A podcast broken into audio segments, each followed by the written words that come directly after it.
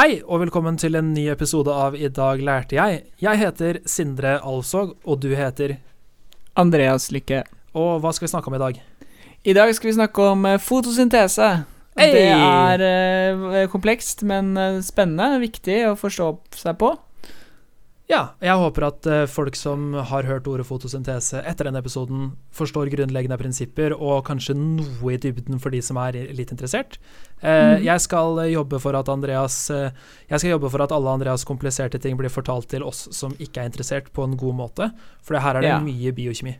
Det er, det er viktig. Det er også viktig Vi har jo Dette er vår tiende episode. Så vi, det begynner å skje ting her, så det, det er vi stoka på. Men det er, det er jo et bra tidspunkt å minne alle på at uh, for at vi skal liksom få noe eh, lyttere, fortsette å ha lyttere, så er det kult hvis dere deler uh, liker innleggene våre i sosiale medier, og bare snakker om podkasten til folk dere kjenner, hvis dere liker det. Sånn, Og Bare- Snakk om det, mann! Snakk om det. ikke sant? Bare spre ordet, og så er det fint hvis dere også kan kanskje gå inn på iTunes eller Spotify og abonnere og like og um, ta og ta Gi oss litt anmeldelser eller litt sånne, eh, noen stjerner og sånn. Sånn da Det hjelper oss liksom å nå ut til flere folk. Da vi har jo allerede en del lyttere, men vi håper å liksom fortsette å utnytte den plattformen vi har, da, til at flere kan høre på. Så det kan dere hjelpe til med ved å dele oss i sosiale medier, eller eh, gå inn og anmelde oss på iTunes. Så skal vi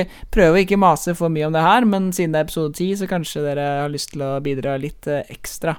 Yeah. Nå skal ikke jeg si at jeg og Andreas er profesjonelle surfere, men vi rir denne bølgen. Vi rir Det gjør vi. Ok, eh, jeg må også si da, vi har fått noen henvendelser på post at idlj.no eh, med liksom forespørsler til episoder og sånn, og vi tar tak i det etter hvert som det kommer inn. Det er Ja da. at dere er interessert eh, og kommer med forslag til temaer. Mm. Eh, så kontakt oss på sosiale medier eller post at idlj.no. Der Ja. svarer vi dere eh, asap zulu. Hvis ikke så skal det meste av uh, informasjonen også være på idlj.no også. All right, og da kjører vi bare fotosyntese, da. Det gjør vi. Kjør.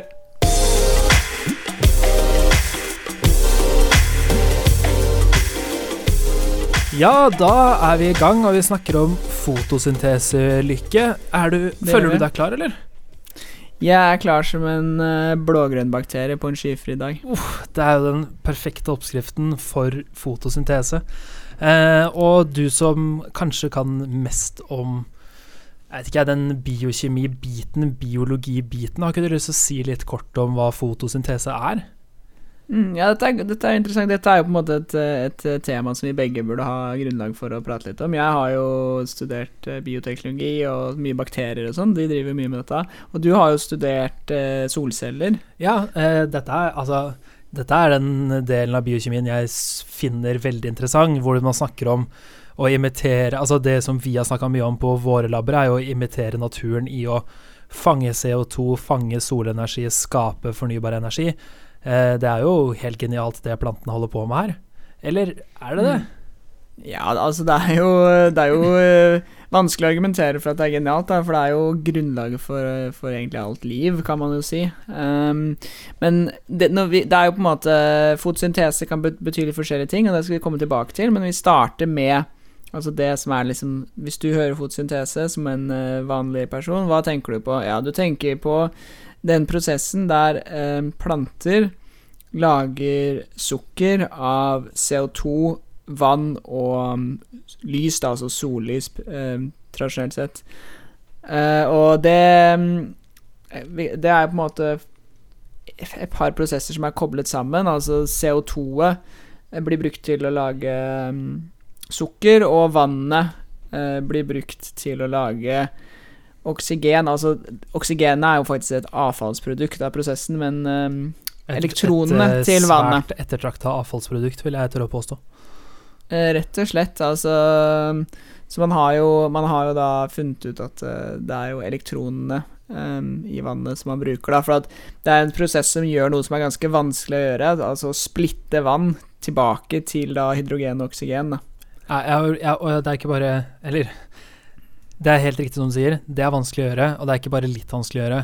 Det er, det er på en måte Det har vært et mysterium for mennesker eh, inntil relativt moderne tid hvordan man kunne selv splitte eh, vann til oksygen og hydrogen separat.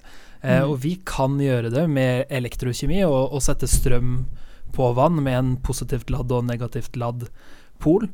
Eh, ikke Mm. magnetisk pol, men eh, en eh, kontakt på et batteri. Men eh, energien som kreves for det, er veldig høy. Det er sterke, sterke bindinger mellom hydrogenatomene og oksygenatomene i vann. Så hvorfor og hvordan planter gjør dette bare for å Ja, vi skal gå litt mer inn på det, Mm. men hvordan de gjør det for å høste elektroner, det er mystisk og fascinerende. Ja, så teknisk sett altså, kan man si at eh, det er på en måte to reaksjoner som skjer her. Altså det er det som ofte kalles lysreaksjonene, og noe som heter Calvin-syklus. Og eh, solenergien eh, Hvis vi skal følge den, da, så solenergien splitter vann, eh, trekker ut elektroner. Elektronene brukes Blir egentlig flytta inn i denne Calvin-syklusen, som det heter, hvor CO2 blir rett og slett gjort om til sukker, da. Og eh, For man, man trodde jo i starten at oksygenet som ble sluppet ut, kom fra CO2. Eh, av igjen da det at det er veldig vanskelig å splitte, eh, splitte vann. Men det har vist seg at eh, det er ikke sånn der. Altså CO2-et kommer eh, CO2-et sitt oksygen ender opp i da sukkermolekyler, da, som er molekyler som er primært karbon, hydrogen og oksygen. Og det der er også en veldig komplisert reaksjon. Eh, CO2, vi har jo hatt en episode om karbon tidligere, og karbonforbindelser kalles organiske. Men CO2 Mm. er en uorganisk forbindelse. Den er, eh, den er den høyest oksiderte nivået av karbon, eh, og krever og, og den er ekstremt stabil. Det er jo en grunn til at det er Mm. mye CO2 i atmosfæren som vi ikke klarer å bli kvitt. Det er vanskelig Mm. å bli kvitt det. Eh, så Ja. det at vi har på en måte en plante som gjør to reaksjoner Altså det at nærmest alle planter gjør to reaksjoner som i utgangspunktet er ekstremt vanskelig å få til, eh, Mm. og de binder CO2 og skaper sukker eh, og splitter vannmolekyl og skaper oksygen. Altså det er en ganske fantastisk og fascinerende prosess. Jeg brukte Det er ordet fascinerende eh, igjen, jeg, jeg syns det, det er det. Det er jo det. Det, det er jo um, Det er det som kalles karbonfiksering, da. Altså Fiksering handler jo om på en måte å, å liksom trekke noe Ofte blir ofte brukt om å trekke noe ut av luften, typisk, da, til å lage noe annet. Altså Man har også nitrogenfiksering, som en del bakterier gjør, hvor de lager forskjellige nitrogenforbindelser fra luft. Eh, Men vi skal ikke snakke for mye om det. Um, Men prinsippet, nei, så- prinsippet der er interessant, og det er jo det samme. Eh, Mm. nitrogen og karbondioksid er to veldig, veldig stabile forbindelser, eh, rent Mm. kjemisk. Eh, og så finnes det På nitrogenfiksering så er det jo noen få bakterier og eh, noen få planter som har evnen til å eh, nitrogenfiksere, altså hente ut ren nitrogen fra atmosfæren for å Mm. skape nitrogenforbindelser. Og så er det jo samme med CO2, da, bare der er det litt, litt mer den veien at de fleste planter kan det. Eh, Mm. Jeg, jeg syns det er gøy. Men, ja, men så bare for liksom Så alle, alle Vi er alle helt på samme plan her, da. Så når vi går videre her, så Det som er viktig å få med seg, er eh, sol, karbondioksid, eh, CO2 altså, og vann. eh, blir et, alle brukt av eh, plantecellen til å danne sukker. Dette sukkeret blir da seinere også brukt til litt forskjellige ting, blant annet å drive celleånding, da, kan det f.eks. brukes til øh, å danne ATP, da, som er sånn cellene gjør øh, arbeid. Men, øh, men karbonet kan brukes på altså Sukkeret kan brukes på mange forskjellige måter i, i cellene. Ja, det er jo litt det Eh, samme ja. som eh, Det er veldig, i hvert fall for meg, lett å relatere til at eh, når jeg spiser, eh, så er jo veldig mye av det jeg spiser, inneholder sukker. Sukker kan kroppen Mm. bruke til mye forskjellig.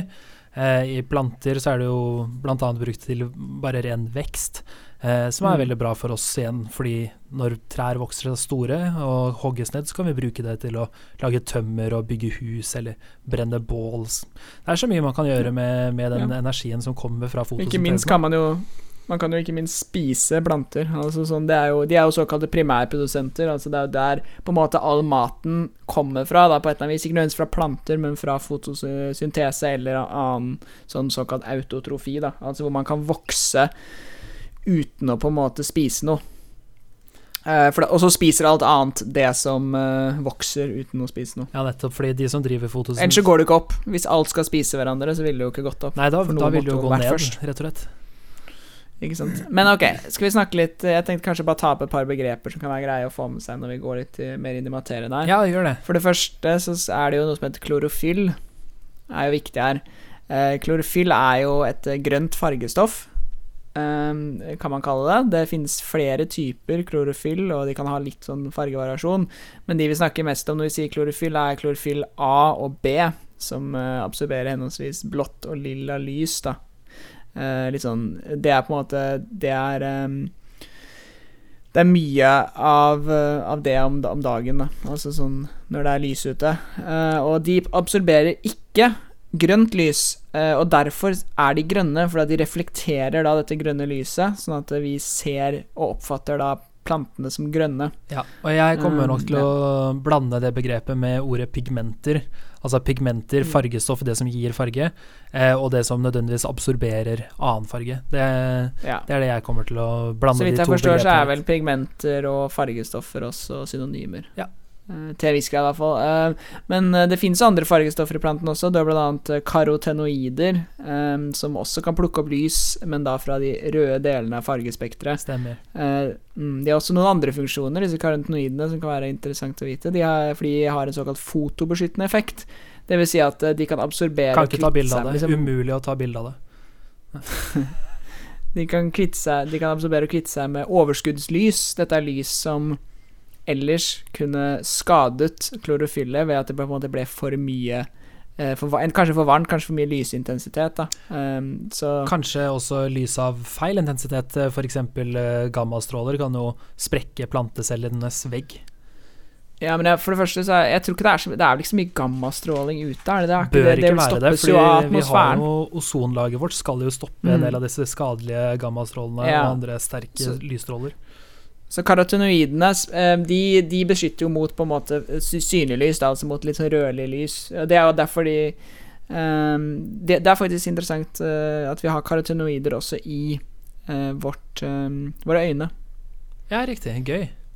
Mm, og de, de, kan også funke til å Altså, de har også en uh, fotosyntetisk effekt, der, for de kan plukke opp lys på en måte som er altså rødere lys. Da. Altså, det kan være mange grunner til det er rødt lys. Kanskje man f.eks. er i et område hvor det blå eller det lilla lys ikke slipper inn av en eller annen grunn. Mm. Og da, da, da, vil disse ha en viss effekt, da. Og så er det jo uh, faktisk eh, litt mm. interessant igjen, fordi jeg studerte solceller en periode. av, sol, av sollyset, eller solenergien som treffer jorda, så er mesteparten rødt lys. Så de som lager fargede sol, altså de som lager solceller som spesifiserer seg mot en, et visst uh, type lys, de sikter mm. på rødt lys, for det er høyest intensitet av rødt lys på jordoverflaten. Men rødt lys har ja. veldig eh, Altså det er veldig mye rødt lys, men rødt lys har lav energi. Og ja, det, er det er den energiutbyttet som gjør at de fleste planter går for blått og lilla lys, som har mye høyere energi. Ja, uh, man sier at uh, man sier at uh, altså, uh, mengden energi i lyset er uh, inverst korrelert med bølgelengden til lyset. Det vil si at lys med lavere bølgelengder, f.eks. Uh, ja, lilla, blått, grønt til en viss grad, er da uh, opptil dobbelt så mye energi som da rødt lys. da. Så derfor, vil, derfor, har de utviklet seg til å ut, utnytte denne spekteret, for da kan man på en måte Og, og livet har utviklet seg i havet, ikke sant, hvor det ikke er like mye um, like mye sol, nødvendigvis. Og det, er jo eh, det, det, som er med havet også, er jo at havet i seg selv absorberer en del lys. Havet er jo ja. Eh, når man ser på hav, så er det ofte blått, kanskje litt grønt. Eh, og det er jo eh, lys det reflekterer. Men eh, havet har sjelden sett rødt ut, og det er fordi det røde lyset, som har lav energi, går noen få, kanskje noen meter ned i havoverflaten før det er fullstendig absorbert av vann og andre forbindelser i havet. Eh, og så vil det blå og det lilla lyset trenge mye lenger ned i sjøen. Mm. Derfor er det også mye eh, alger som lever dypt i havet, som, som, konsentrerer seg om å absorbere blått lys. Mm. Det er jo Vi kan jo, eh, bare for å liksom Unnskyld, Unnskyld, jeg sa feil. Det... Jeg skal rette opp i det senere. Vi kommer tilbake til det. Ok. Eh, men i hvert fall um, det som er viktig, et annet uttrykk som kan være greit å bare nevne kjapt, er, um, som ikke alle er helt innforstått med, er fotoner. Uh, fotoner Altså, vi snakker jo om, uh, om, lys som en lysbølge, ikke sant? Uh, men lys har jo i tillegg til bølgefunksjon, som så mange sikkert vet, også partikk... Altså, det har en del egenskaper som partikler har. Altså, for, for eksempel at de har en gitt mengde energi, da. Uh, som er Altså i motsetning til en bølge, så har du på en måte Du kan, du kan på en måte se det på som partikler. Uh, og da er det, det er jo denne eh, Det er her du har denne eh, energinivået som er korrelert med eh, ly, altså lysfargen, og det er jo da på fotonet. Et, er når, når planten lager eller driver fotosyntese, så er det fotoner som på en måte eh, donerer den energien, da. Rett og slett. Så fotoner er på en måte Du kan se på det som på en måte Det bare Du kan se på det som lys, egentlig. Det er jo på en måte det. Men det er en lyspartikkel, kan du si, hvis du skal være litt sånn Det er jo det der med at eh, er lys en partikkel eller en bølge? Eh, svaret er ja. Ja, begge deler. Eh, men fotoner er, en, fotoner er en god måte å måle eh, lys, og en Mm. god måte å beskrive lys som et partikkel på. Og det er på en måte en, en fin en fin standard for å beskrive hvordan lys interagerer med fysisk, fysiske partikler. Eh, Ja. Og vi kommer mye tilbake til det i dag. Mm. Yes. Uh, så tradisjonelt sett så snakker vi jo om um, Om uh, fotosyntetiserende planter, da. Men eh, det kan jo være interessant Det kan jo være greit å, å nevne at eh, det, det, det finnes mange andre typer uh, fotosyntetiserende organismer. eh, blant annet veldig mange bakterier. Så mye som 50% av eh, oksygenet som produseres via fotosyntese, produseres jo da av såkalt planteplankton. eh, som er da en, en slags felles betegnelse på liksom mikroorganismer eh, som produserer eh, Eller som driver med fotosyntese, da, som ikke er planter. Eh, fordi at eh, det er jo For at planter er jo er jo på en måte en, en, en cellulær definisjon, da, altså det vil si planter ha, er, er jo eh, såkalte eukarote celler, og har da, er da som regel flere flercellede organismer med, med da planteceller da, i seg. Og planteceller har blant annet da eh, kloroplaster og um, mitokondrier og mye annet som celler har. da, Cellekjerne. Men det trenger man, Ingen av disse tingene Altså Man trenger ikke en cellekjerne, og man trenger ikke mitokondrier for å drive fotosyntese, og derfor tror man jo også kanskje at det sta Eller man vet jo egentlig at det stammer fra noe annet enn planter opprinnelig, sånn evolusjonært sett. Det var ikke sånn at plantene var de første Altså, de, de arvet på en måte en eksisterende funksjon da når de utviklet seg. Stemmer det. Og det er jo eh, interessant, eh, og noe man, som er veldig lett å glemme, er jo at eh, det er utrolig mye marint liv som står for CO2-fangst og fotosyntese. Ikke bare liksom grønne planter som du ser vokse på landjorda. Så det er, det er en artig og viktig ting å ha i bakhodet når du tenker at du kan plante trær, så går det bra. Fordi det er sånn at vi har en drøss med drøss med bakterier og alger som er så små at vi ikke egentlig kan se de, som står for kanskje mesteparten av CO2-fangst og, og fotosyntese på jorda. Men de er ikke på Mm. jorda, de er i havet. Ja. Så de er på planeten, men ikke på landjorda. Eh, men de er faktisk Det finnes jo også planteplankton og sånn på, på, jord, eh, på jorden, da. Det Ja. er ikke bare i havet. Nei, jeg leste litt om det. Jeg, jeg ble overraska, men jeg kan for lite om det til å være komfortabel med å for, forklare og snakke om det her. Ja. Eh, jeg må rette opp i det jeg sa. Jeg, eh, jeg sa noe om hvor dypt ned i havet ulikt lys penetrerer. Blått lys penetrerer lengst ned i havet. Deretter Ja. grønt lys, og så vil rødlige rødt lys, altså gult, oransje og rødt lys, penetrere veldig kort. Så, Ja, det var det du sa. var det jeg sa, eh, men jeg kom også på at lilla lys, som jeg også sa at penetrerer veldig dypt, Ja. ikke gjør det. Lilla lys Nei. har så høy energi igjen at den har veldig og har lav penetrer, altså evne til å penetrere materie. Da. Så den går, veldig, mm. den går ikke like dypt ned som blått lys. Det er en liksom fin balanse hvor blått lys er det som kommer lengst ned i havet. Ja, ikke sant. Ok, da fikk jeg retta opp i det, så jeg er komfortabel med å gå videre. Det er bra. Uh, nei, så um, Jeg vet ikke Vi kan jo snakke litt om Vi kan jo ha så vidt nevnt, så jeg kan jo allerede begynne å snakke litt om liksom evolusjonen, da. Eh, det er jo alltid gøy. Altså, vi har jo um, Vi har jo hatt Vi har jo hatt liv på jorda i eh, ganske mange milliarder år. Eh, og ganske tidlig i, i evolusjonen av, av liv så ble det dannet noen, noen bakterier som var såkalt fototrofe, eller fotoautotrofe. Dvs. Si at de bruker lys til å, til å liksom vokse med CO2 som eneste karbonkilde. Det fins altså eh, bakterier og andre mikroorganismer som kan drive fotosyntese, men også bruke andre kilder til karbon. De kalles fotoheterotrofe.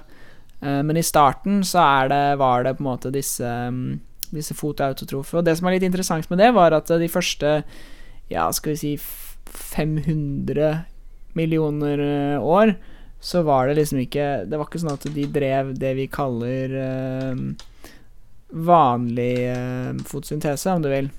Um, fordi de drev med De drev med svovelfotosyntese, såkalt anoksygen fotosyntese, hvor uh, elektrondonoren ikke var vann. Uh, som da du, vi nevnte i stad, så er det en veldig, eller veldig energikrevende prosess å trekke ut. Mens det de brukte, var svovel da, som energi... Uh, energi... Eh, nei, elektrondonor. Da vil jeg bare hoppe inn i et kort minutt der og si litt om forskjellen på oksygen og svovel. Ja, for de ligger jo i samme gruppe i periodesystemet.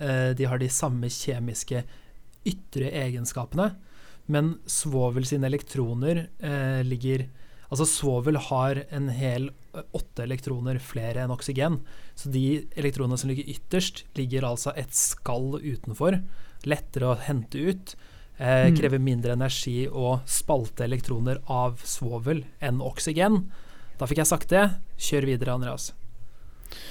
Ja, altså Så man tror at uh, anoksygen fotosyntese uh, holdt bakterier på med i en halv milliard år før de faktisk uh, utviklet oksygenproduserende eh. Uh, og det første opp, oppsto i noe som minner om de eh, såkalte cyanobakteriene, eller blågrønnalgene, som de faktisk kalles i Norge, selv om det ikke er alger, det er eh, bakterier. Eh, Blågrønnbakteriene. Og, mm, og det, som, det, som, skjedde da, var jo at uh, vi fikk jo en enorm oppblomstring av, uh, av liv på jorden, fordi at uh, med en gang oksygen, oksygen ble da på en måte grunnlaget for veldig mye av, av såkalt av respirasjonen, altså av pustingen til de organismene som kom seinere. Så ved at atmosfæren sakte fylte seg opp med oksygen, gjorde det rett og slett at mer komplekst liv kunne, kunne utvikle seg. Da. Og alt dette kommer jo fra fotosyntese av, av disse cyanobakteriene. Og det som er litt interessant, er at hvis man ser på en sånn cyanobakterie da, og ser Altså Tilsynelatende så er den jo Den er jo grønn, selvsagt, som i seg selv er, eh, kan være et hint til at den har noe med, med planter å gjøre, men også at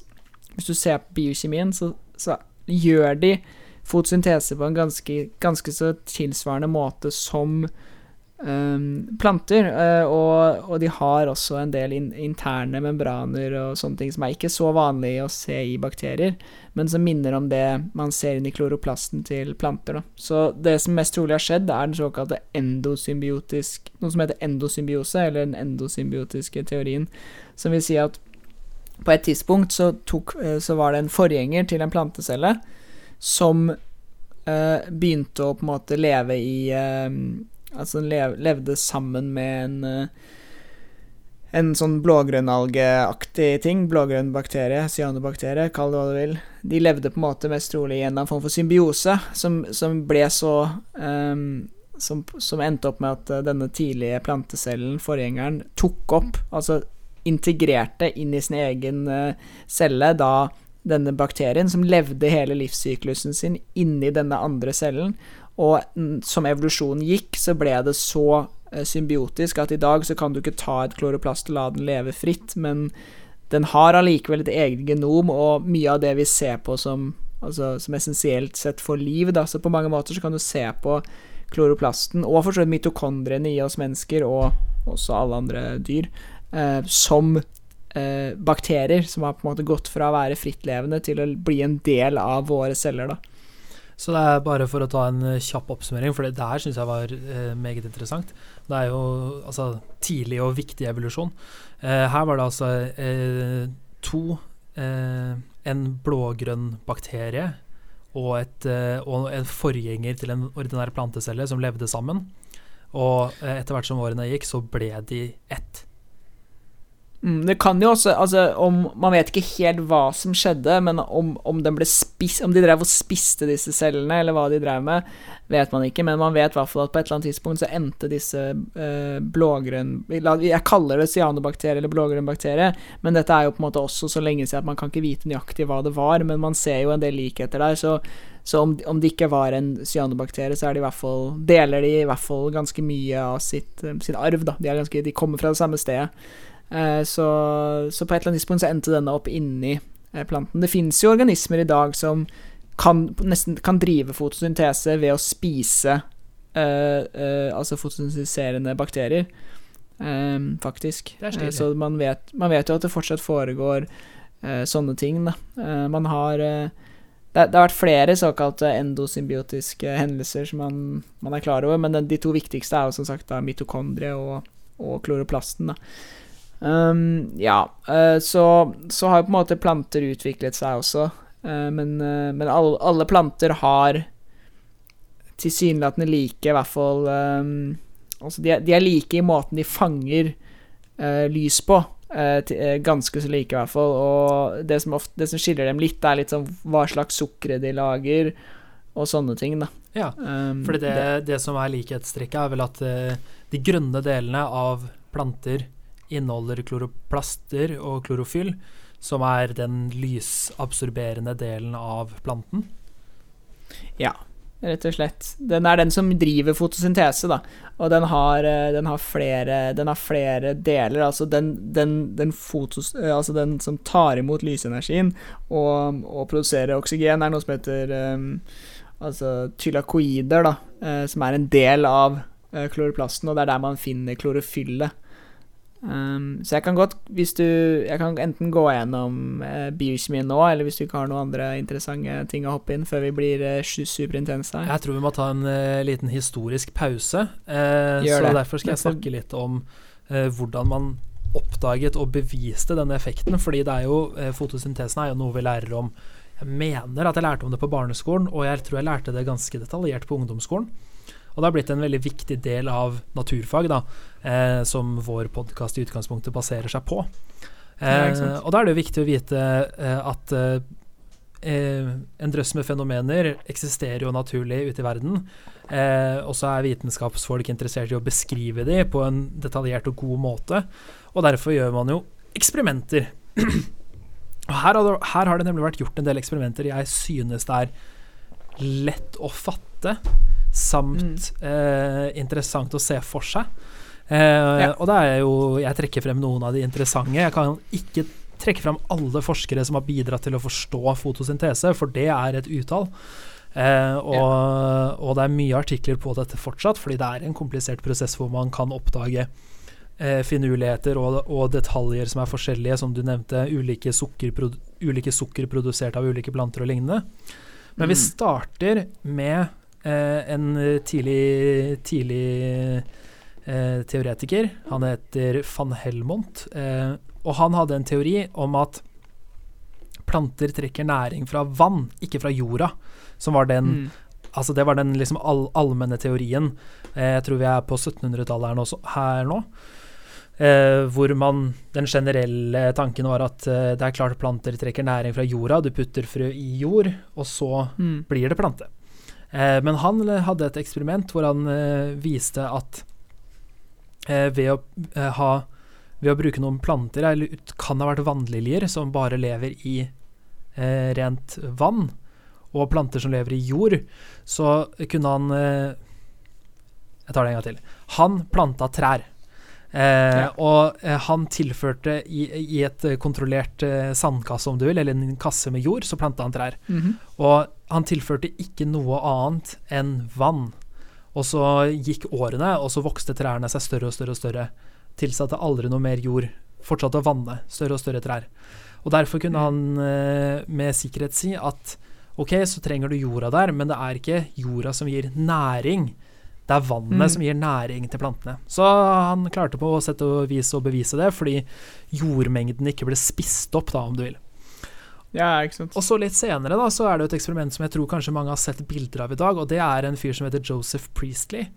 Han puttet plante- og stearinlys under en osteklokke, eller en sånn glassbolle som du kan se inn i, men den er lufttett. Mm. Eh, så han hadde tre boller. I den ene så hadde han en plante, i den andre så hadde han et stearinlys, og i den tredje hadde han en plante og et stearinlys. Og det du helt tydelig kunne se, var at lyset brant lengst i den tredje osteklokka. Eh, al yeah. Altså kunne du eh, med sikkerhet si plantene og, eh, og den ilden da, gir og tar noe av det samme. Eh, Mm. Så teorien var at eh, plantene gir fra seg en gass som er nødvendig for at lyset skal brenne. Og så eh, tok han det et steg videre og gjorde det samme med mus eh, og plante. Så han Ja. hadde en eh, osteklokke med en plante, en osteklokke med en mus, og en osteklokke med en mus og en plante, og så at musen som var i den samme osteklokka som en plante, levde lengst. Eh, Så da kunne han også si at eh, den samme gassen som plantene produserer, er, er nødvendig for ild, og den er også nødvendig for at dyr kan puste. Så det var Mm. interessant, og nå begynner vi egentlig å nærme oss at man kunne forstå at det var hvilke konkrete gasser det var som eh, oppstår her. Eh, det var noen andre folk inne her som eh, klarte å, å bevise at planter lager sukker, som i seg sjøl er ganske interessant.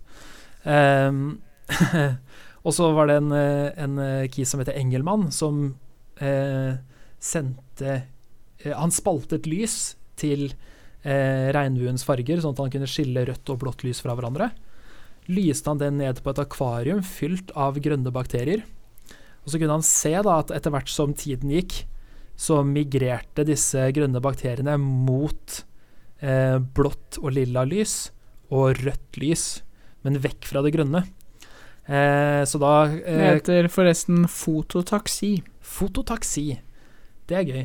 Taksi er jo da, altså som, som i taxi, betyr jo bevegelse, så en del mange bakterier viser eh, re, sånn eh, retningsbestemt bevegelse mot et eller annet, da. Ja, for det, det var jo Eller det han, fra et eller annet, eller, definitivt. Eller fra noe. Det var jo det han klarte å bevise, han Engelmann, at, uh, at uh, disse blågrønne uh, bakteriene eh, absorberer blått og rødt lys, men de reflekterer grønt lys, og, og i dag så virker det litt innlysende.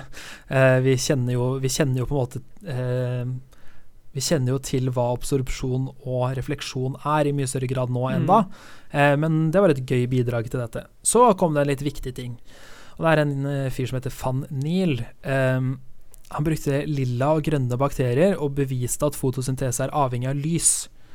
Eh, det visste Ja. man ikke før dette. Eh, man hadde jo en greie Man hadde jo liksom ikke kommet så langt som å skjønne at eh, at planter åpenbart trenger en kilde til lys for å leve. Eh, fordi hvor hadde du egentlig ikke en kilde til lys hvor du også trengte planter? Ja, ikke sant. Eh, Mm. Så han viste at, eh, han viste at eh, fotosyntesen var avhengig av lys, samt at han eh, viste at eh, hydrogengass eller hydrogen ble brukt til å bryte ned karbondioksid. Eh, så Mm. nå vet vi at hydrogengassen kommer fra vann. Eh, og som eh, du forklarte tidligere, eh, så blir jo vann pluss CO2 pluss lys til sukker og litt andre gode, gode stoffer. Mm. Eh, videre så var det mange her som var eh, aktive og viktige, men eh, vi kommer jo til en fyr som heter Melvin Calvin. Eh, som, som, jeg tror, skal vi om. som jeg tror du har lyst til å snakke mer om, for han klarte jo å bevise denne Det er jo fotosyntesen består av en reaksjon som er avhengig av lys, og en reaksjon som ikke er avhengig av lys, og den lysuavhengige reaksjonen kalles Calvin-syklusen, oppkalt Stemmer. etter dens oppdager, Melvin Calvin. Eh, og her tror jeg jeg skal gi stafettpinnen videre. Vant nobelprisen i 1961, tror jeg. Det kan godt stemme. Jeg tror det stemmer. I kjemi. Man var kjemiker. Eh, men eh, jo, eh, jeg kan nevne ett eksperiment til, bare for moro skyld. Ja. Det som var ganske smart. Det de gjorde da, var at de um, Fordi det var jo en del prat om hva, hva på en måte Som sagt, var det oksygen fra vann, eller var det CO2, som, som vi snakka om i stad, som gikk inn i sukkeret, da? Og det de gjorde da, var rett og slett at de merka um, de, to, de brukte en såkalt isotop, altså en radioaktiv oksygen, og lagde først eh, Lagde både vann og, og CO2 i to forskjellige eksperimenter, hvorav, hvorav det ene så hadde vannet um, eh, radioaktivt eh, oksygen i seg, og det andre så hadde CO2 i det, da. Og de så at eh, så, Og så, så når de kjørte fotosyntese med disse reagensene, så så de hvor eh, det, det radioaktive oksygenet endte opp, da. Og når de, når de, så når de merka Når de merka da vannet med radioaktivt eh, oksygen, så så de at det endte opp i oksygengassen. Og når de gjorde det med CO2, så så de at det endte opp i sukkermolekylene, og da, da var det på en måte bekrefta. Det er så lurt, ass. Eh, det her der heter radioaktiv merking, eller, eh, Mm. eller merking med isotoper. Det er en ganske moderne metode brukt av en del kjemikere for å bevise nettopp sånne ting som det er. Så det er bra du, tar, bra du trekker frem, Lykke. Ja, for her er vi Er vi på 20 Nei, vi er på sånn 50-tallet en gang. Ja, eh, det og det er Så det er ikke så lenge siden. Nei, det er jo, I det det store og det hele så er det ganske moderne. Det er jo aktive forskere som liksom gikk på skolen uh, da. Ja, ja, er du gal? Så det er jo ganske sånn fascinerende hvor mye som har skjedd innen biokjemien. Jeg har bare snakka en del med faren min, som har vært studert litt eh, vitenskap. Så han sa jo også at når han, han, når han gikk på skolen, så var det veldig mye av det vi snakker om nå, var egentlig om noe var kanskje teorier, og det meste snakka det egentlig ikke så mye om. Det var vel lite som man visste, da, på 60-tallet. Ja, jeg har en bok oppå hylla mi som jeg ser på nå, som heter 'Principles of Biochemistry'. Eh, Ja, er her, og den boka er jo for mange biokjemikere den hellige gral, men eh, for Mm. mange studenter en stor utgift, for den oppdateres jo hvert eneste år. Ja. Men ja, Ja, de eh, ja, nei nå Skal er vi snakke vi litt om Vi Calvin-syklus? må ta Calvin-syklusen, for den er jo eh, helt essensiell i fotosyntesen. Ja. Mm, da tror jeg vi bare tar hele biokjemien med en gang. Jeg prøver å liksom gjøre det minst mulig smertefullt. Takk- takk skal du ha. så vi, ja, så vi vet jo at eh, lys treffer klorofyll, som bidrar til å lage sukker, eh, CO2 og H2. Um, så nå skal jeg prøve å oppsummere liksom ganske kompleks biokjemi relativt enkelt her, da. Eh, så eh, inni kloroplastene Nå er vi inni kloroplasten. Dette er inni en plantecelle. La oss gå ut fra det. Men det er samme om det er en bakterie eller ikke. Men i hvert fall Her er det noe som heter chylakoider, som inneholder et fargestoff som heter klorofyll. Ikke sant? Det er vi med på. Klorofyllet er annet inni et område som kalles eh, Altså i, i membranen der, da, så er det noe som heter fotosystemer, og hvert fotosystem inneholder mange klorofyllmolekyler. Fotosystemet er på en måte et stort eh, molekyl som inneholder mange andre molekyler, et slags makromolekyl, eh, som man kaller det. Så det som først skjer, er at når, når så, um, lyset treffer kloroplasten i fotosystem 2, så overføres denne lysenergien fra et klorofyllmolekyl til det neste, helt fram til det treffer et spesielt, foto, eh, et spesielt klorofyll, som da tar og bruker denne eh, lysenergien til å overføre et elektron Et elektron er jo da et, en en liten negativ ladd primærpartikkel videre gjennom membranen til fotosystem 1. Og nå tror jeg kanskje dere blir forvirra. Hvorfor er system 2 foran system 1? Jo, fotosystem 1 ble oppdaget først. Så enkelt er det. Eh, så enkelt er det. Blant annet da det er litt andre finurligheter her, men la oss bare bruke den. Eh, så fra fotosystem 2 til fotosystem 1 overføres dette elektronet.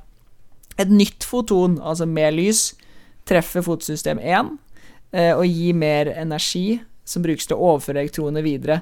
Elektronene hopper litt sånn mellom forskjellige såkalte elektronbærere, som egentlig bare er små molekyler som kan, kan på en måte overføre et elektron. Da. Kan ta imot et og, og flytte det videre. Mm. Og det ender opp i en reaksjon der et stoff som kalles NADP pluss får et elektron og et hydrogen og danner noe som heter NADPH. Eh, For det som er hardcore i dag, lærte jeg fans, så kan det jo være interessant å nevne at eh, NADPH er et veldig likt stoff som det vi kaller NADH, som vi har snakket om i den uh, aldringepisoden vår. Det er noe som folk driver og tar for å leve lengre. Eh, NADH, det er jo en sånn elektronbærer, da, så det er jo eh, Det er litt sånn der eh, Jeg tror man bruker det som en antioksidant, blant annet. Blant Eh, annet. og det er jo også en, altså en elekt viktig elektronbærer i celleåndingen. Men NADPH går da videre fra Og nå er, dette, er, dette er de såkalte lysreaksjonene, da. NADPH overføres da inn i en prosess som kalles Calvin-syklusen. Og her skulle vi hatt en fanfare, men uh, vi fortsetter uten. Ja. Uh, og Calvin-syklusen er er jo der CO2-molekyler blir satt sammen til stadig mer komplekse sukkermolekyler. Eh, og som sagt, i motsetning til som du nevnte i stad, i motsetning til disse lysreaksjonene, så er ikke Calvin-syklusen avhengig av lys. Så noen ganger så kaller man det også mørkreaksjonene, da. Eller mørkereaksjoner. Det er litt, jeg tror det er mest for at det skal være lettere å huske at det er først en lysreaksjon, så en mørkereaksjon. Men eh, Calvin-syklusen kan gjøres i lyset. Ja, den- den- Noen den- altså- organismer tror jeg gjør det om natten, da. Ja, det er det er jo litt artig, for jeg leser meg litt opp på det. Fordi med en gang jeg begynte å se på fotosyntesevideoer på YouTube, som jeg alltid gjør når jeg researcher i dag, lærte jeg, så øh, var det jo selvfølgelig noen som sa eh, dette kalles også mørkereaksjonen. Det er feil. Eh, denne reaksjonen er ikke lysavhengig, men den foregår primært i dagen. Og så så jeg neste YouTube-episode, og de sa at dette kalles mørkereaksjonen. Det er fordi en del planter gjør det om natta. Og så er det litt sånn, Ja. ok greit Så det er, det er litt sånn histen og pisten her. Poenget er, den er lysuavhengig. Ja, den er, den er i hvert fall ikke Altså, den jo Og samtidig så kan du si at den er jo ikke lysuavhengig, for den trenger jo ting som dannes av lyset. Men sånn Reaksjonen i seg selv kan gå uten å få innført fotoner, i hvert fall. Stemmer, For å gjøre det veldig enkelt. NADPH er jo et stoff eh, som en plante bør ha litt overskudd av uansett. Så du kan på en måte Ja. bygge deg opp et litt overskudd på når, det er, når du har sterk intensitet av lys, og så kan du la Ja. denne Calvin-syklusen få lov til å gå noen runder uten at eh, fotosystem 1 og 2 er aktivt. Og så Da skjer eh, litt forskjellige ting.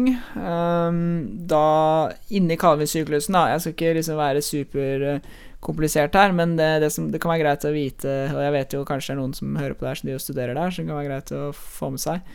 Det som skjer, um, er at eh, karbon eh, og oksygen eh, fra CO2, altså CO2-molekylet, da, på en måte, eh, kombinert med ATP, og da som donerer et fosfatmolekyl.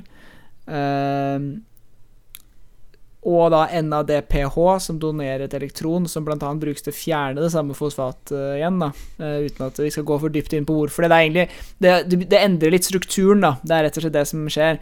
Og det som skjer etter hvert, er at man lager et sukker som heter G3P, eh, vanligvis i, i planter. Og det er, det, det er også det sukkeret man får hvis man tar og splitter et glukosemolekyl. Da får du 2G3P, tror jeg. Det er ganske uh, riktig. I hvert fall så er det den samme kjemiske Altså summen av eh, atomene er Mm. den samme.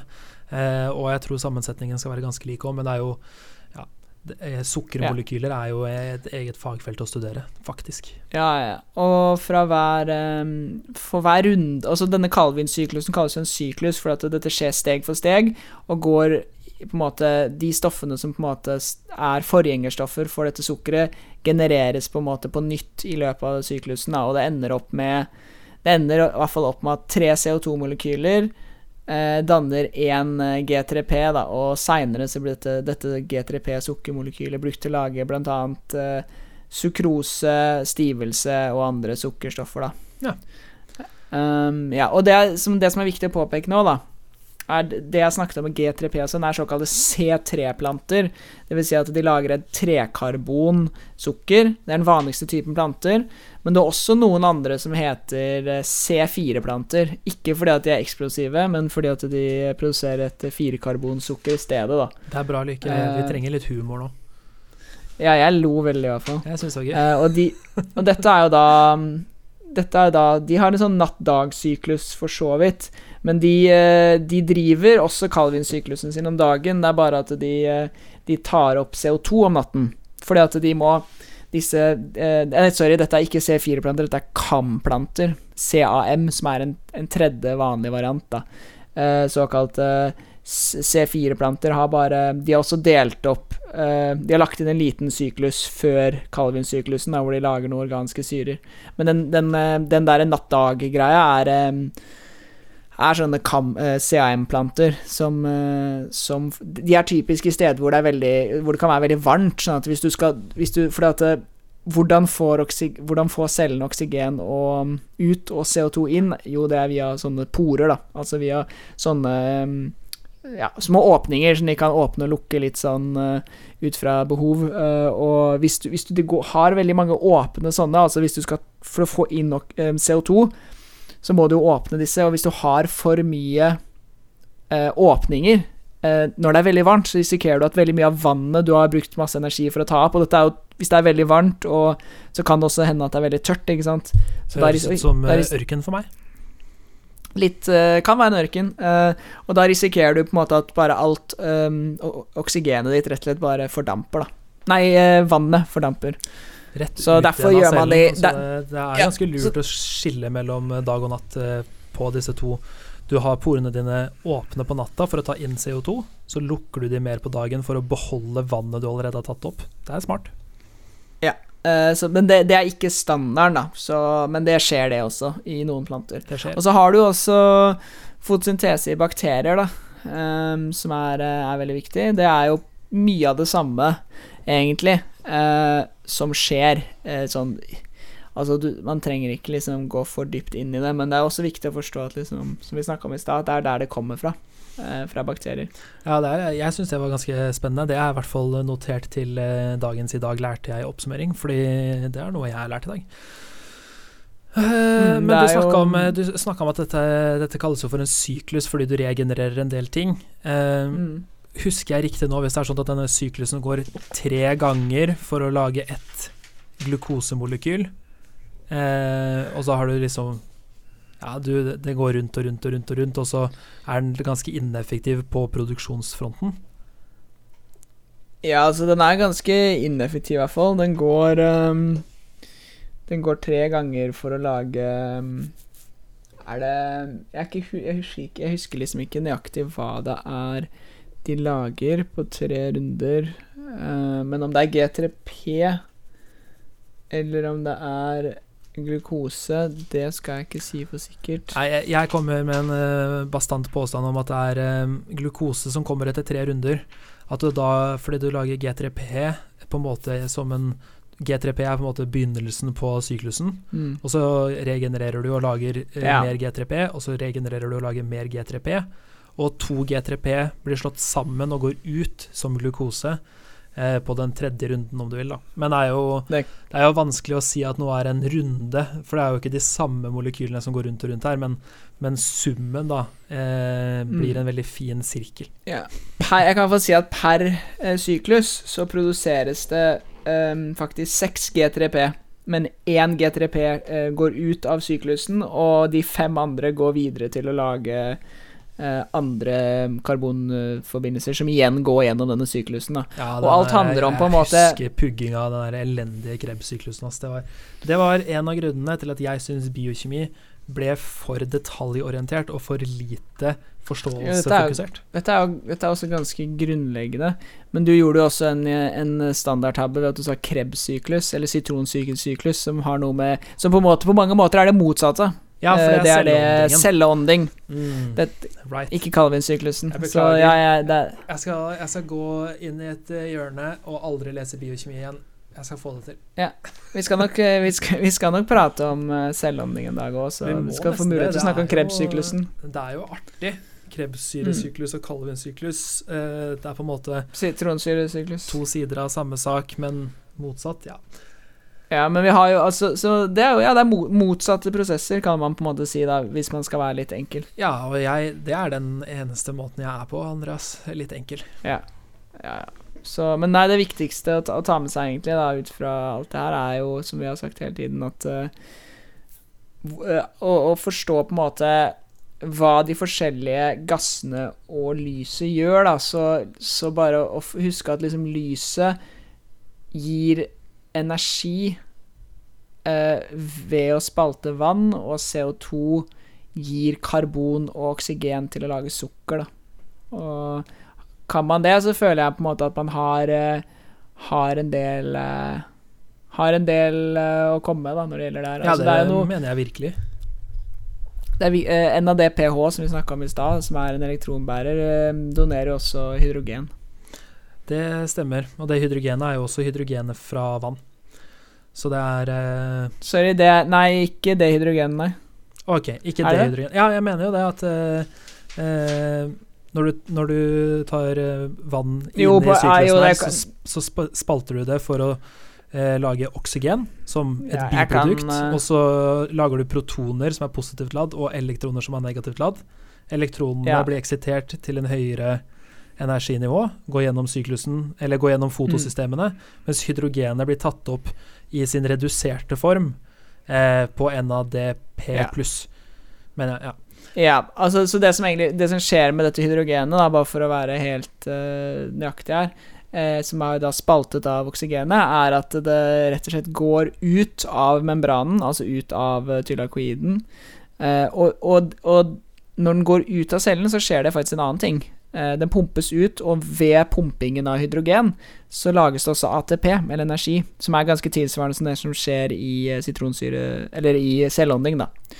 Eh, og det hydrogenet som da er pumpet ut og lagd ATP av, går da Er jo da på en måte Det er, veld, det er veldig høy Eller veldig lav um, konsentrasjon Det er veldig høy konsentrasjon av um, H pluss eller hydrogen da inni eh, Inni tylakoiden og ikke så mye utafor, men det er likevel der det Der det går inn i NADP, da. H, NADP pluss og danner NADPH.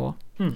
Så det er nok, det er nok der, eh, der hydrogenionene kommer fra, som man sier. Eller protonene.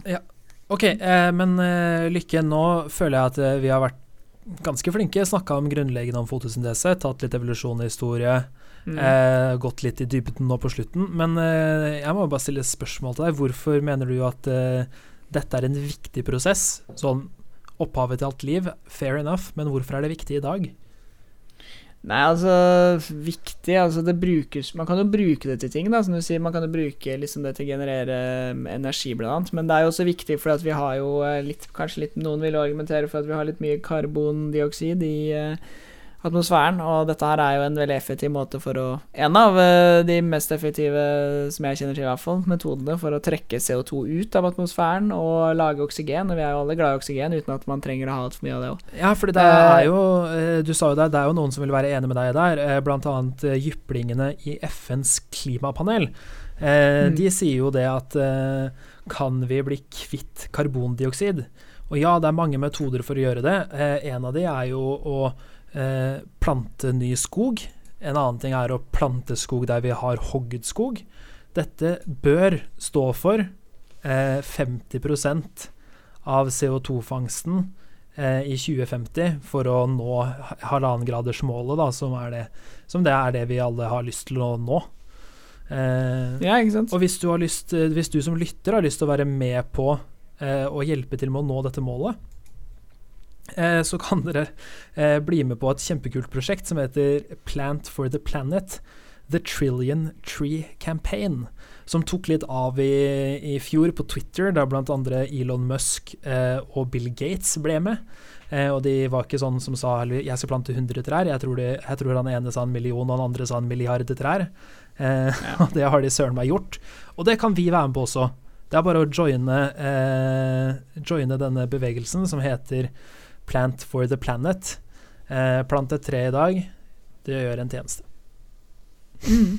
Og det er jo Det er jo mye Det er jo interessant eh, det der med at, eh, med oksygen- og kar karbondioksidbalansen også. Det kan vi snakke om seinere, men det var jo en, en, en reaksjon på um, Eller det som skjedde i starten, var jo at det ble veldig mye Altså av Altså av planetens historie, så skjedde det jo etter hvert at det ble veldig mye oksygen i atmosfæren. Det har jo på, det har vært mye mer oksygen i atmosfæren enn det er i dag. Og det førte jo til um, såkalt gigantisme. Ja, Det er kjempegøy. vi hadde så svære dinosaurer og, og, Insek- sånne insekter. insekter som var veldig mye større enn de vi ser i dag. Jeg er så utrolig glad for at jeg i utgangspunktet er veldig mye større enn insekter. Men i den, i den prosessen ville vel du også vært veldig mye større insektene? Du ville bare vært en gigantisk menneske. Ja, men Lykke, jeg er ikke interessert i å ta all faktaen og all logikken. Jeg vil bare ta de delene jeg syns skaper en interessant fortelling, OK? Ok, greit. Ja. Men er det ikke interessant hvis du er tre meter eller 20 meter høy også? Ja, begge de delene er jo interessante, selvfølgelig. Men jeg, jeg ser jo for meg på en måte hvor skummelt er kjempeedderkopper. Jo, de er kjempeskumle. Så Mm. Du har jo sett 'Ringenes herre', hvor du har en edderkopp som har en brodd som jeg ser ut som penetrerer Frodo ganske greit. Eh, Hvis det er lov å si. ja, det er Eh, vi lov å si. Må, ja, den penetrerer han jo ja, Vi skal ikke snakke Eller, så mye om akkurat det nå. eller du ser kjempeedderkoppene i Harry Potter. Altså, det er dritskummelt, liksom. Men jeg er, jeg er litt redd for edderkopper. Ja, tydeligvis. Eh, du må slutte å se så mye sånne filmer hvor edderkoppene driver og prøver å spise små barn. Da. Eh, Eller aldri. små hobbiter, for den saks skyld. Nå, nå skal ikke jeg antyde at Frodo fra Ringenes herre er et barn, for han er vel 50 år gammel, hvis jeg ikke husker Ja, det er noe sånt. Eller noe sånt. Han er oppe i, han er åra. Nå føler jeg at dette er tegn på at vi begynner å gå tom for ting å snakke om. Tror jeg. Vi er på snakker om fri prat. alderen til Frodo. Ok, eh, men jeg skal ta et par eh, artige ting om fotosyntese. Nå har jeg, nå har jeg tatt det som hvorfor er det viktig for landjorda sånn i dag. Eh, så vil jeg jo si da at eh, fotosyntesen er ganske ineffektiv. Eh, vi som har jobba med å utvikle solceller Vi som jeg, tar, jeg tar store ord i min munn nå, men eh, det er jo forskere som har jobba med å utvikle solceller eh, som imiterer og hermer etter fotosyntese som best de kan, fordi fotosyntesen er liksom naturens måte å fange sollys på, eh, og har da hatt som ledende teori den er nok strengt tatt veldig effektiv, fordi naturen har eh, gjennom evolusjonen flere milliarder år kommet fram Mm. til at dette er noe vi skal bruke. Eh, men resultatet da, eh, av å bruke f.eks. Eh, kloroplast som pigment i en solcelle, eh, gir en effekt som ikke er Altså, den er helt fullstendig ubrukelig eh, som solcelle. Du vil, aldri, du vil aldri kunne få mer energi igjen enn du putter inn, og da er hele poenget med solceller vekke. Og så har du en annen interessant greie, da, og det er jo kan vi kolonisere Mars? Hvordan kan vi Apropos gjøre Elon Musk. kan vi ska, altså, Jordens atmosfære har jo en veldig bra sammensetning av gasser som gjør at vi kan leve og være den størrelsen vi er i dag. Vi slipper Hva kalte du det? Gigantisme? Gigantisme. Gigantisme. Eh, vi, vi er eh, Ja, vi er 1,70, eh, 1,80 i snitt, kanskje. Eh, som jeg syns Ja. er passelig for mennesker. Eh, og vi har eh, luft som vi kan puste, og vi har jo eh, Vi har det ganske bra sånn sett. Og det er jo i, i bunn og grunn utelukkende fordi vi har hatt fotosyntese til å skape eh, et, eh, et felt med, med atmosfære rundt oss hvor vi har omtrent Mm. 21 oksygen. Eh, så spørsmålet er jo kan vi gjøre dette på Mars. Kan vi, kan vi, kan vi skape planter som, som vi kan plante på Mars for å lage en oksygenatmosfære der? Sånn i Ja. teorien. Og svaret er jo faktisk ja. Det er bare du må ta hensyn til en Mm. drøss med ting. Når du ikke har en atmosfære der i utgangspunktet, og heller ikke noe ozonlag, så må du plante plantene under, en, eh, under, en, under, et gla, under et glass som kan reflektere eh, farlige UV-stråler og sånn, eh, før det da klarer å liksom høste oksygen ut.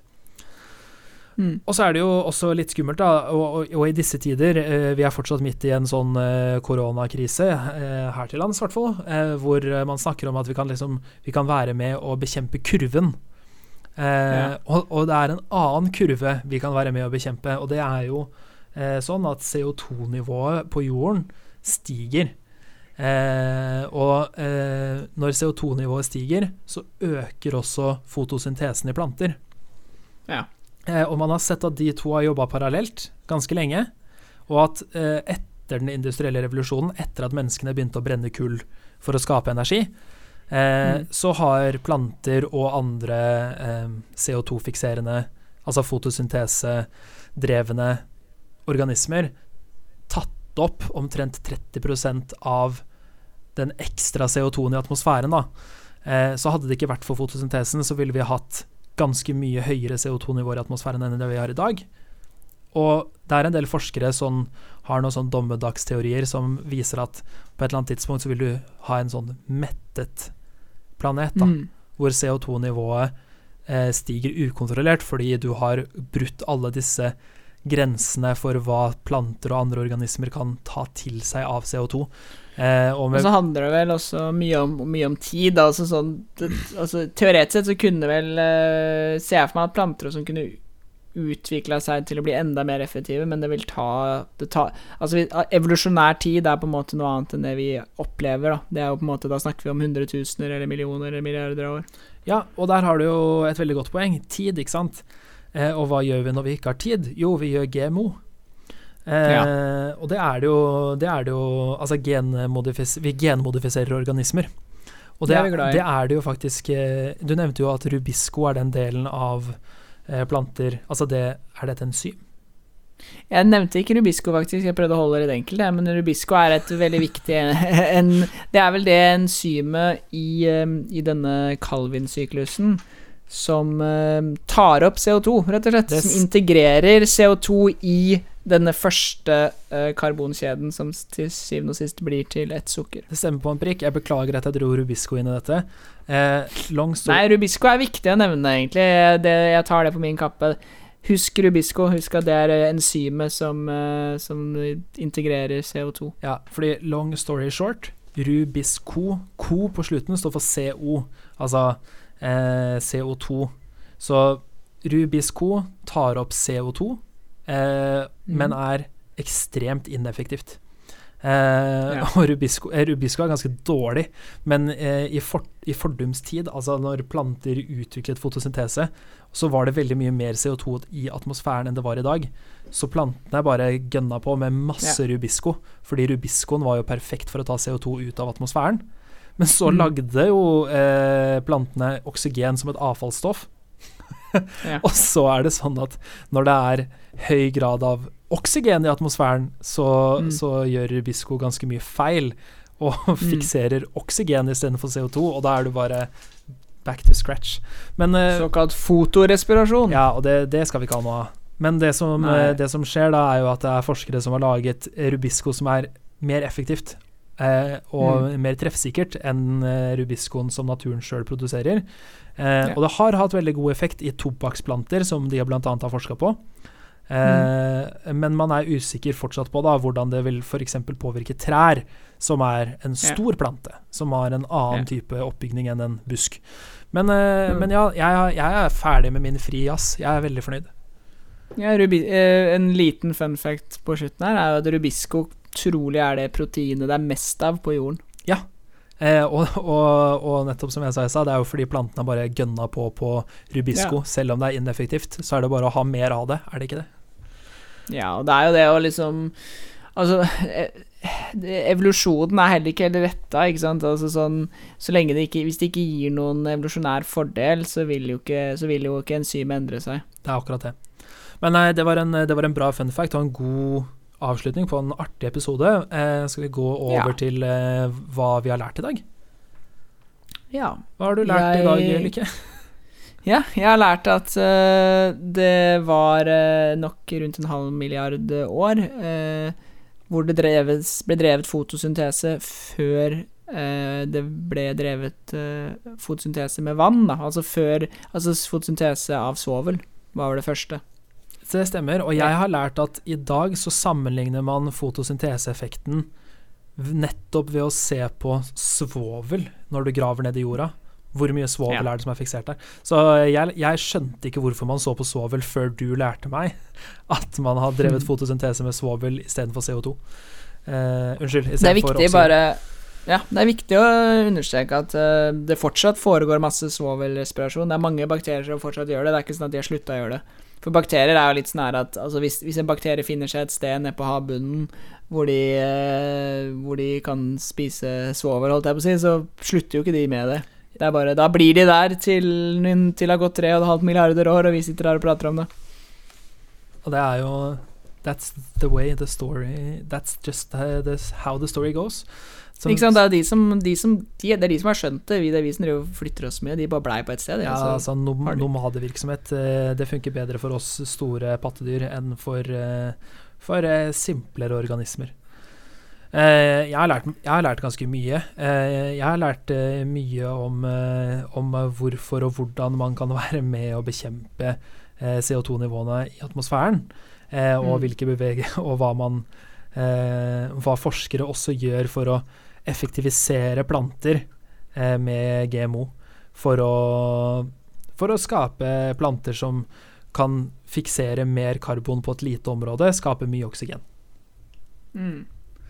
Ja, for meg jeg, jeg skulle Jeg tror egentlig sånn ut fra utdannelsen min så burde jeg kunne ta dette på rams. I dag ble det på en måte sånn I dag lærte jeg eh, på nytt.